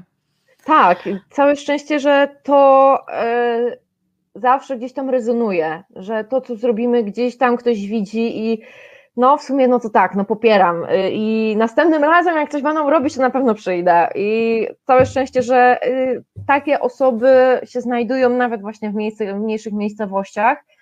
I naprawdę, wierzcie mi, nie jesteście sami w tym, co, co chcecie robić, co myślicie e, i nie należy się bać. No a później to jeszcze robiliśmy na przykład inne akcje, różne petycje do Rady Miasta. To nie jest tak, że tylko wychodzimy e, z megafonami i krzyczymy, ale staramy się również w inne, w inne sposoby jakoś działać. A powiedz, zbieracie też podpisy pod e, projektem ustawy Legalna Aborcja tak. bez kompromisów? Tak. Mhm. I jak to idzie? Ludzie są zainteresowani? Jak, jak, jakie są nastroje? Czy ktoś na was krzyczy, że o morderczynie e, i was e, popędza, to znaczy, czy to jest raczej jest miło? Się jeszcze nie mieliśmy takiej otwartej zbiórki na ulicy. Staramy się teraz, jak coraz mocniej idzie, idą za, zakażenia, zachorowania w górę, no to staramy się ogólnie zachęcać osoby, żeby tak jednostkowo zbierały, na przykład wśród swoich znajomych w pracy, e, wśród swojej rodziny i przyjaciół. I tak właśnie wiem, że kilka, kilkanaście osób to zbiera. I po prostu pewnego dnia się umówimy, kiedy już na przykład y, trochę e, spadnie y, licznik covidowy i w każdym razie będzie o wiele lepsza pogoda, to wtedy tak będziemy to, to zbierać. Chociaż wiem, że jeszcze no, tak mniej więcej miesiąc został, albo nawet więcej troszkę. E, i będziemy takie rzeczy robić, więc oczywiście podpisy są zbierane. A jak na to wszystko reagują lokalni politycy, radni, radne? E, czy ktoś wspiera na przykład szczególnie tutaj te prawa kobiet, prawo do aborcji? E, wie, że chodzi o łamanie praw człowieka, czy raczej lepiej, żeby były billboardy kochajcie się mamo i tato? A w każdym razie y, na pewno całe stuprocentowe wsparcie mam od lewicy, czyli od Razem, e, Sojuszu i, i Wiosny. E, wspierają nas również radni Platformy Obywatelskiej e, i na manifestacjach widziałam wielu właśnie radnych, którzy są na, na lewo od, pra, od Prawa i Sprawiedliwości, czy jakichś tam innych skrajnych już nawet trudno mi to nazwa przechodzi przez usta Konfederacji. E, w każdym razie, e, a radni Prawa i Sprawiedliwości czy prawicy, nie wiem, oni się nagle pochowali, nagle zniknęli, jakby się zapadli pod ziemię, kiedy właściwie był ten moment, że całe miasto wyszło, znaczy oczywiście może nie całe, ale bardzo dużo osób, nagle, nagle się zapadli pod ziemię. Mhm. A w każdym razie e, znajomy, który jest radnym powiatowym, ach, jeszcze jest właśnie z, z PSL-u. To tak, znajomy właśnie mówił o, o tym na sesji Rady Powiatu, no to mm, Prawo i Sprawiedliwość e, nagle temat zaczął uciszać, ale nie, nie o tym mówimy, nie o tym mówimy, e, kiedyś może porozmawiamy o tym i nagle oczywiście temat ucichł, on już zaczął mówić, że się razem przeszły największe manifestacje, prawdopodobnie największe w historii miasta, no to Prawo i Sprawiedliwość zaczęło, mm, może nie, nie, nie, nie, nie, nie, nie rozmawiajmy na ten temat. E, ale tak szczerze mówiąc, czy politycy prawicy tutaj lokalni coś e, robią? Szczerze mówiąc, nie chodzę po ich profilach w mediach społecznościowych, mam ciekawsze rzeczy do roboty niż patrzenie na to, co oni na fejsie piszą, więc mhm. E, wtedy wiem, że na pewno się schowali gdzieś po jakichś dziurach, a teraz szczerze mówiąc, nawet mnie to nie interesuje. A jako no, działaczka, aktywistka, e, powiedz, też kiedyś rozmawialiśmy o tym w przypadku Kłodzka czy Zakopanego, czy Poznania. Mm, czego brakuje się radzowi, e, na przykład jakie problemy w kwestii praw kobiet są na przykład spychane, e, czy, bo myślę o czymś takim, mm, że są po prostu miejsca, w których bardzo palącą sprawą są na przykład domy samotnej matki, tak, dla pomocy, mhm. ten tak zwany feminizm socjalny. Czy, mhm. czy są takie jeszcze jakieś inne właśnie sprawy, e, dookoła kobiet, które, na które warto byłoby zwrócić uwagę w Sieradzu właśnie? E, tak, jest wiele rzeczy i tak jak wcześniej mówiłam, że nasza działalność nie polega tylko właśnie na megafonach i wymachiwaniu pięścią na ulicy. E, w 2016 albo 2017, już nie pamiętam, albo może 18, nieważne, zrobiliśmy inicjatywę in vitro dla Sieradza. E, mhm. Chcieliśmy, żeby miasto e, przygotowało w swoim budżecie, zabezpieczyło pieniądze dla osób starających się o dziecko metodą in vitro, żeby dokładało do każdego zabiegu około 5 tysięcy złotych. No wiadomo, te zabiegi są bardzo drogie, a mamy ujemny przyrost naturalny. E, no oczywiście lepiej zabronić aborcji, na pewno wtedy kobiety zdecydują się na dziesiątkę dzieci, jasne, powodzenia. E, ja sama już e, prawdopodobnie drugiego dziecka nie urodzę, chociaż marzyłam o tym, ale nie wiem, czy ja się zdecyduję przy, przy takim. Mm, mhm. Jestem po 30, po 30, więc różne rzeczy mogą wyjść przy, przy takim wieku. Ale no w każdym razie zrobiliśmy akcję in vitro dla Sieradza, zebraliśmy 1500 podpisów pod tą inicjatywą. E, I zanieśliśmy do Rady Miasta. I co się stało? Nic. Nic się nie stało. E, Rada nawet tego nie wzięła pod obrady. Te podpisy nawet nie mam pojęcia, gdzie są. E, jeżeli jakiś inspektor z Urzędu Ochrony Danych Osobowych by tam wpadł, ja nie mam pojęcia. Zabijcie mnie, ja nie wiem, gdzie są te podpisy. W każdym razie Rada Miasta nie zrobiła z tym nic. Nie było to dyskutowane na żadnej z komisji. I tak właśnie jest zabijany aktywizm, że człowiek może stać w deszczu, w upale, mhm. w wietrze, zbierać, prosić, zaczepiać ludzi o podpis. E, I tak jest to po prostu, e, brzydko mówiąc, puszczane w kiblu. E, no i co jeszcze, tak jak mówiłam właśnie, że mamy ujemny przyrost naturalny, na, ostatnio sprawdzałam dane, to na tysiąc osób mamy 9 narodzin i 11 zgonów. Mhm. E, praktycznie każdy radny w swoich ulotkach wyborczych obiecywał budowę żłobka, nic nie ma. O miejsce, jedyny żłobek jest i o to miejsce w każdym, w jedno miejsce to naprawdę ludzie się praktycznie zabijają o to. E, no mhm. ale po co nam nowy? E, tak samo, y, jeżeli chodzi o przedszkola, też jest za mało. No i jeszcze to, że faktycznie y, to już ogólnie trend ogólnopolski, że kobiety częściej rezygnują z pracy, kiedy decydują się na dziecko. Więc jeżeli chodzi o taką opiekę społeczną nad osobami, które decydują się na dzieci, jest naprawdę mikre, jest słabe. I mhm. zamiast na przykład, jeżeli chodzi o inicjatywę in vitro, to około jeżeli tak robiliśmy statystyki, to około 25 par w Sieradzu by kwalifikowało się na coś takiego. E, więc, e, no ale lepiej, tak jak mówiłam, zakażmy aborcji, utrudnijmy e, dostęp do antykoncepcji i ogóle, w ogóle z, z Polski zróbmy Rumunię Czałczesku, a później policja będzie chodziła wieczorami i będzie słyszała głosy noworodków wyrzuconych na śmietnik. Więc bo tak mhm. było w Rumunii wtedy i to po prostu moim zdaniem idzie dokładnie w tą stronę. I mhm. skoro taki Ordo Juris jeszcze chce rozwodów zakazać, to jest, to jest fenomen, to jest gorzej niż po prostu, to jest piekło kobiet po prostu. Pamiętam, jak na historii y, w liceum moja nauczycielka powiedziała nam, że pamiętajcie, fundamentaliści są najgorsi. Mhm. Więc mamy to po tylu latach. A ty uważasz, że jak to się potoczy, y, kwestie praw kobiet? Y, pojawiają się głosy, że w systemie autorytarnym, a już w ogóle w kryzysie, y, to można w ogóle zapomnieć o jakichkolwiek zmianach i refleksjach. No i zastanawiam się, no nie wiem, no wiesz, no czasem tak się zastanawiam, że już tracę nadzieję i nie wiem nawet, co mnie tak podtrzymuje, ale zastanawiam się, no jak to, jak to będzie. E, szczerze mówiąc, tak jak powiedziałaś, ja też tracę nadzieję. Momentami mam takie, takie sytuacje, że nie, już jest, to już jest koniec. Będzie, jak nie będzie lepiej, będzie tylko gorzej znowu nam czegoś zabronią. Tak jak przyjdzie właśnie jakiś mądry pan z Ordo Juris i zacznie mówić, że trzeba zabronić e, rozwodów, ja wtedy myślę, że z moim mężem weźmiemy taki prowizoryczny rozwód, tak na wszelki wypadek. uprzedzimy ich ruchy, a potem będziemy i tak dalej ze sobą żyć i będziemy szczęśliwym związkiem nadal. Ale w każdym razie tak, są takie sytuacje, że ja naprawdę e, nie mam żadnej nadziei, ale pojawiają się takie rzeczy, na przykład wyniki badań wśród młodych kobiet, że 40% dziewczyn w wieku 18-24 określa się jako osoby lewicowe. W porównaniu z poprzednimi badaniami, czy nawet młode osoby, łącznie i mężczyźni, kobiety, właśnie te osoby deklarują się coraz bardziej jako lewicowe. Zawsze to była prawica, e, pokolenie JP2, czy żołnierze wyklęci, no i Korwin, tego typu rzeczy.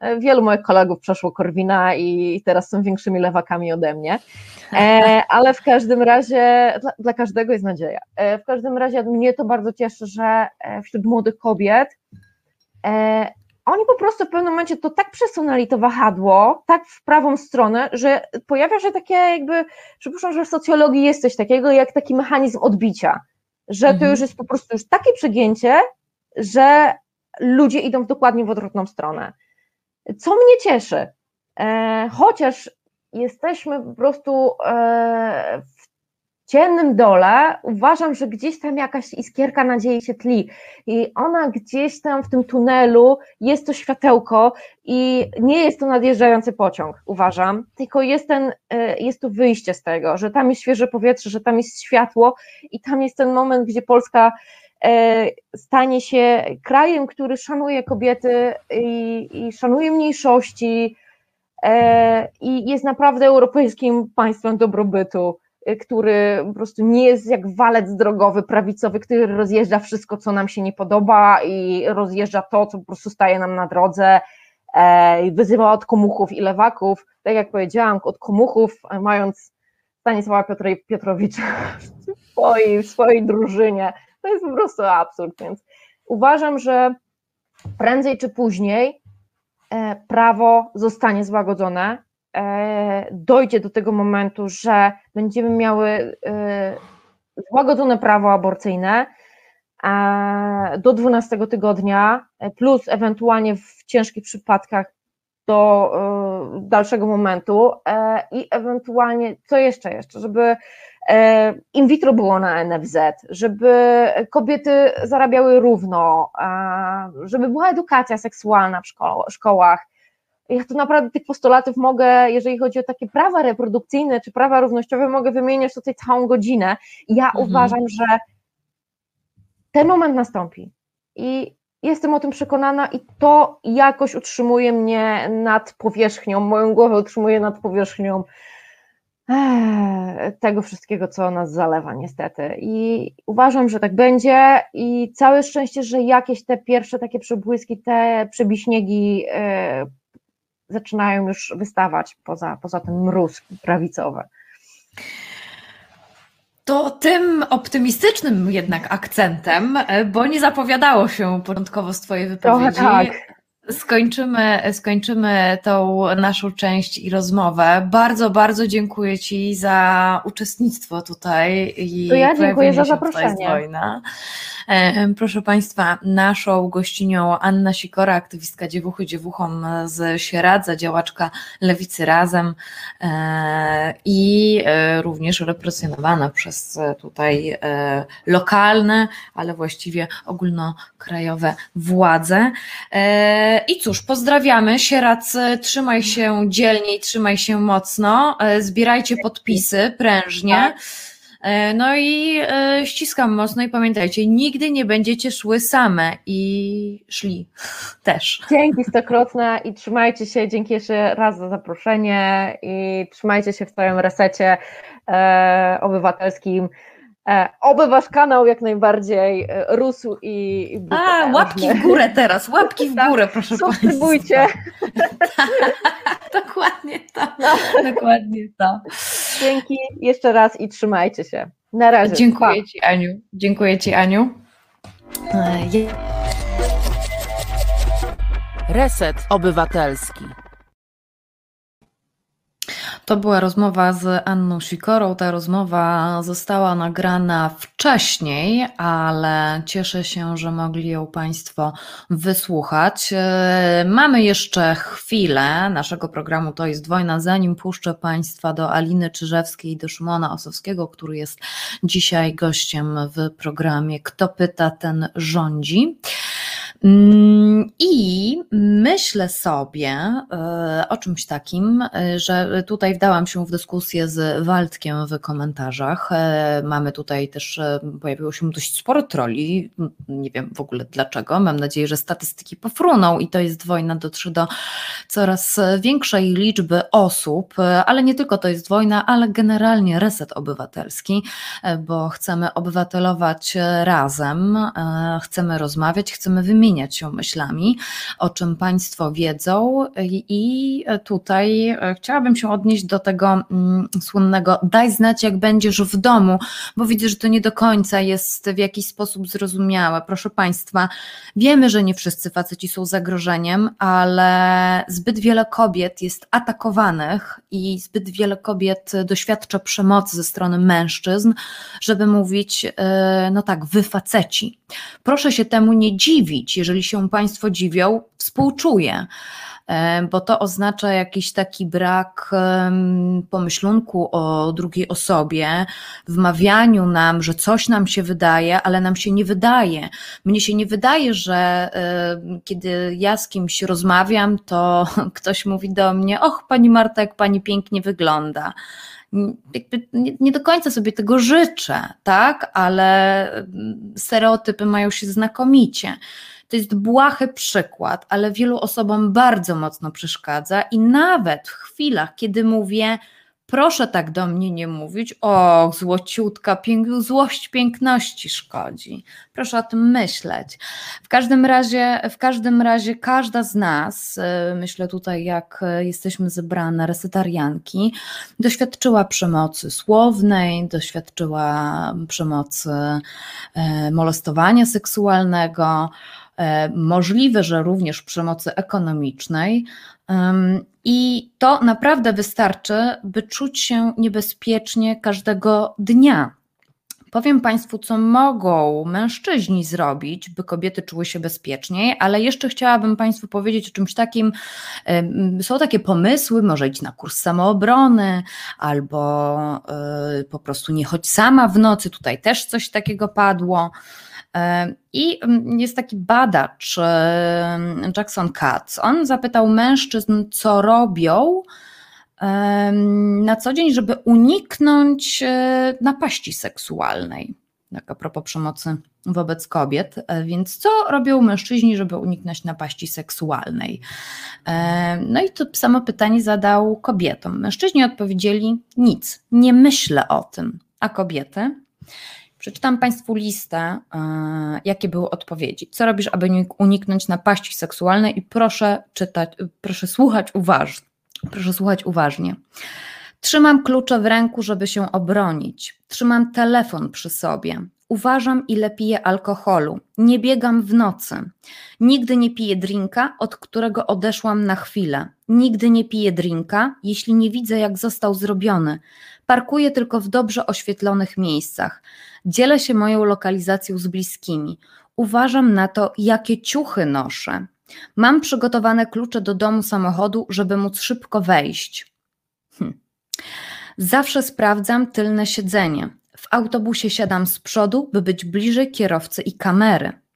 Wysyłam numer tablicy rejestracyjnej taksówkarza Ubera do bliskich osób. Proszę kierowcę taksówki, by poczekał, aż wejdę do domu. Noszę ze sobą gwizdek. Noszę ze sobą gaz pieprzowy. Zmieniam buty na płaski obcas, kiedy wracam do domu. Chodzę pewnym krokiem. Udaję, że rozmawiam przez telefon. Rozmawiam przez telefon z bliską osobą, póki nie dojdę do domu. Chodzę tylko oświetloną częścią ulicy. Jeśli mogę, to chodząc omijam parki, krzaki, lasy, nawet w ciągu dnia. Chodzę na kurs samoobrony, mam dużego psa. Proszę, żeby ktoś mnie odprowadził. Nie noszę słuchawek, gdy, gdy biegam, wracam do domu sama. Udaję, że nie słyszę, kiedy ktoś mnie zaczepia. Zawsze wybieram miejsce na pierwszą randkę. proszę kolegę, żeby udawał, że jest moim chłopakiem, gdy, gdy ktoś nie chce dać mi spokoju. Więc e, tak to wygląda. Tutaj jest 29 punktów. E, ja naliczyłam sobie, że 23 z nich e, stosuję bądź stosowałam ja. Bo na przykład nie biegam, więc to się absolutnie nie liczy. Ale wracając, to daj znać, jak będziesz w domu. Pani Karolina, ja chodzę z gazem pieprzowym w kieszeni. Pan Krzysztof, to gdzie te kobiety mieszkają? W strefie wojny. No jeżeli nazywamy ten super wspaniały świat strefą wojny, to tak, tak, tak. Później Chciałabym jeszcze Państwu tutaj powiedzieć, co mogą zrobić e, mężczyźni, by kobiety czuły się bezpiecznie.